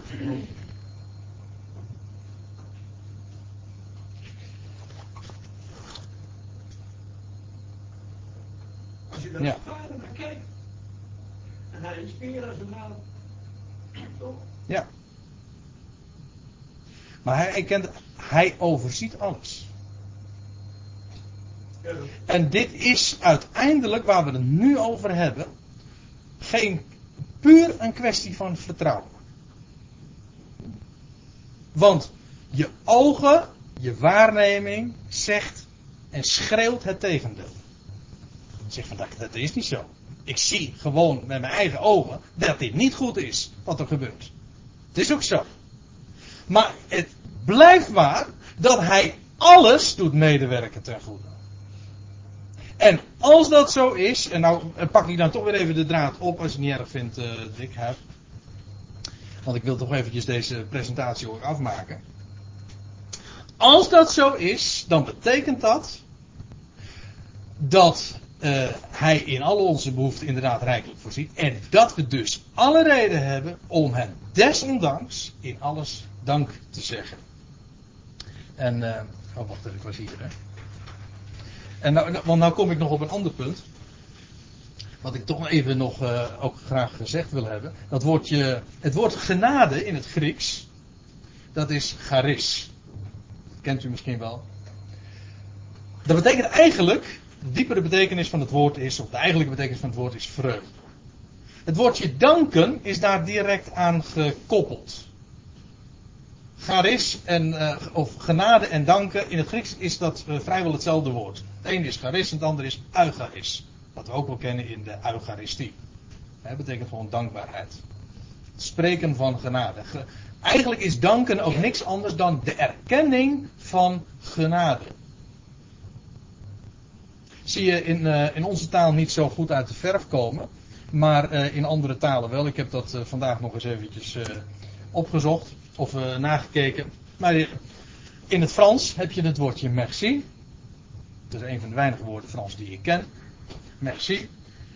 En dat woordje merci is direct weer gekoppeld, of heeft direct ook weer te maken met het Engelse woordje mercy. En dat betekent genade. Of wat dacht u van het Spaans, maar ook in het Italiaans, het schijnt eh, ook in het Portugees. Daar is het gratias of gratie.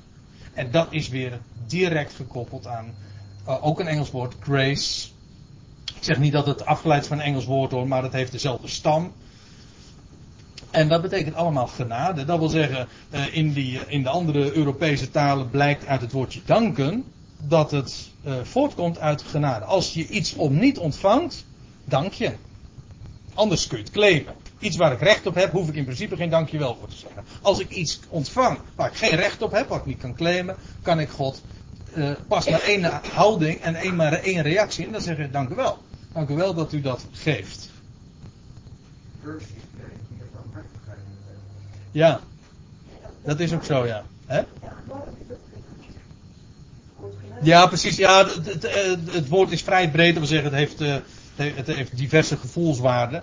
Maar ik beperk me nu eventjes tot, uh, voor het gemak uh, tot deze ene betekenis. Want mercy en grace is namelijk ook niet exact hetzelfde. Maar het heeft in ieder geval ook de, een van de betekenissen is genade. Wat je dus ziet, is dat het woordje genade en danken en dankbaarheid en dankzegging aan elkaar gekoppeld is. En ja, dan wil ik dat ook laten zien hoe, hoe Paulus dat in zijn eigen gebeden ook laat zien. in de diverse brieven. Hij zegt in Colossense 1: Wij danken God, de Vader, de Vader van onze Heer Jezus Christus, ten alle tijden bij ons bidden voor u. Dus hij bidt, ja, maar dat bidden, dat veranderde, of dat was bij God, eh, pardon, bij Paulus feitelijk dankzegging. Dus terwijl hij bad voor de Colossers, of de Colossenses, dankte hij. Ten alle tijden, zegt hij. In Efeze 1 lezen we ook uh, iets soortgelijks. Daarom houd ook ik, gehoord hebbende van uw geloof in de Heer Jezus en van uw liefde tot al de heiligen, niet op te danken. U gedenkende bij mijn gebeden. Filippenzen 1. Ik, ik zou het bijna in alle brieven en in de, meteen in de aanhef van de diverse brieven kunnen laten zien. Hetzelfde, iedere keer weer hetzelfde patroon. Hoe Paulus' leven en hoe Paulus' gebedsleven vervuld is van dankzegging. Dat terwijl hij bidt, is hij feitelijk aan het danken. Nou, dat is nou precies wat gebed vermag en wat gebed is. In de Bijbelse zin van het woord gebed dat voortvloeit uit, uit genade, besef van genade, van wie God is en geeft. Ik dank mijn God zo dikwijls ik u gedenk. In al mijn gebeden bid ik telkens voor u allen met blijdschap. Dat hoort er dan ook meteen bij natuurlijk, zodra je het hebt over dankzegging. Dus uh, ook hier weer, Paulus uh, in al zijn gebeden dankte hij God telkens weer. 1 Thessalonicense 1. In het tweede vers meteen valt Paulus meteen met de deur in huis en zegt hij wij danken God altijd. Om u allen. Wanneer wij u gedenken bij onze gebeden. Dus Paulus was aan het bezig, aan bezig met gebeden. Maar terwijl hij bad waren het feitelijk gewoon dankgebeden. Dat is wat hij uh, hier ook naar voren brengt. Paulus' eigen gebeden zijn dus dankzeggingen. Filemon, ik dank mijn God te alle tijden als ik u in mijn gebeden gedenk. Zie je? Dat zijn zomaar een paar voorbeelden. Maar die allemaal dezelfde waarheid illustreren. Waarom zouden we bidden? Wel, inderdaad, waarom zouden we bidden? Maar we hebben zoveel reden, toch, om Hem te danken. En dan heb ik het niet alleen maar over het feit dat God onze aardse omstandigheden, welke ze ook zijn, in de hand heeft en doet medewerken ten goede en dat zijn weg, ondanks onze waarnemingen, toch altijd de beste zijn. Dat dat is de ene waarheid. Maar de andere waarheid is dat God in Christus ons alle geestelijke zegen in de hemelse gewesten gegeven heeft. Daar heb ik het eigenlijk de hele avond nog niet eens over gehad. En eh, als ik zo, uh, nu loopt het tegen tien. En uh, nou, nou gaan we het er niet meer over hebben ook. Maar moet je, je zou eens een keertje de brieven na moeten lezen. Met name, in, met name Paulus' brieven, ook waarin hij uh, gebeden uitspreekt. Als hij zijn knieën buigt voor de Vader in die in de hemel is. Dan, dan, begint hij altijd daarover te spreken dat we geopende ogen zouden krijgen, verlichte ogen van het hart, die zouden zien die enorme rijkdom en die rijkdom ook zouden beleven van wat ons deel is in Christus. En dan verstommen de vragen, ook de dingen waarvan we, de vraag, het gaat er dus niet om dat je God zou bidden uh, dat, wij, dat Hij ons in onze behoeften zou voorzien. Want Hij garandeert dat bij voorbaat. Dat doet hij. Het gaat er dus ook niet om dat we God zouden bidden om iets wat hij sowieso geeft. We hadden het al eerder over vergeving. Hè? Ik heb er nog weinig over gezegd. Maar er zijn, er zijn er zoveel christenen die dag in dag uit inderdaad God maar bidden om genezing. Ja, nou, genezing trouwens ook, maar ik, ik bedoel nu vergeving. Mag dat dan niet? Natuurlijk mag dat. Dan gaat het niet om of het mag of niet. Dan gaat het erom, als, uh, als God de garantie geeft en de toezegging doet. In Christus is alles vergeven. Wat, wat zou dan onze reactie zijn? Wilt u ons vergeven? Dank u wel. Dank u wel dat wij dat hebben. Wij hebben de vergeving. Staat er in Efeze 1 vers 7. En dus, de reactie is, dank u wel God, dat wij dat hebben, dat we dat bezitten. Colossense 2. Ja, ik moet nu even heel snel, het zijn nog maar een paar uh, plaatjes die ik wil laten zien. Colossense 2. Nu gij Christus Jezus, de Heere aanvaard hebt, wandelt in hem. Geworteld, opgebouwd wordend in hem, bevestigd wordend in het geloof zoals u geleerd is. Waaruit blijkt dat dan? Overvloeiende in dankzegging. Het gaat er dus niet alleen maar dat die dankzegging in ons hart is, maar dat onze, u weet hè, als het hart vol, waar het hart vol van is, daar loopt de mond van over.